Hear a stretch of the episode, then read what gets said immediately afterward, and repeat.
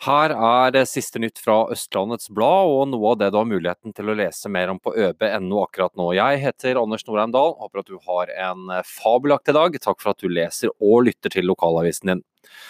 Aller først en bedrageritiltalte bruktbilforhandleren som har operert eh, også i Follo, er dømt til fengsel i tre år og to måneder og mister retten til å drive næringsvirksomhet for alltid. Han må også betale nesten én million kroner i erstatning.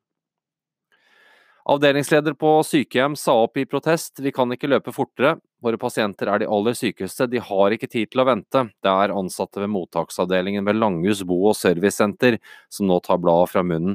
Det er ikke lenger faglig forsvarlig det vi driver med, sier de i et uh, intervju med ØB. Betongskur i Sigrudveien er i dårlig forfatning, nå blir det jevnet med jorden. Lokal forretningsmann dømt til å betale fem million kroner etter spa-konkurs. Utrykningspolitiet delte ut elleve fartsbøter på prioritert strekning. Det har smelt der i ny og ne. Var helt grønn da hun startet. Nå har 47 år gamle Sunniva drevet Mester Grønn på Ski storsenter i 24 blomstrende år. Fant tre millioner i klesskapet til hjemmesykepleier mistenkt for tyveri fra eldre kvinne. Og du kan også lese om at The Well på Sofiemyr fikk tommelen opp i kommunestyret. Nå blir det hotell, og det åpner i 2020.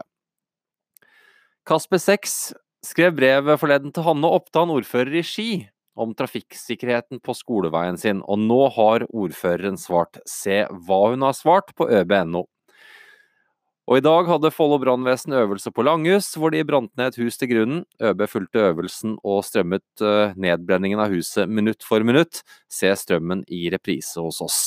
Dette er noe av det du har muligheten til å lese mer om på øb.no i dag. For full digital tilgang koster det bare nå fem kroner for fem uker.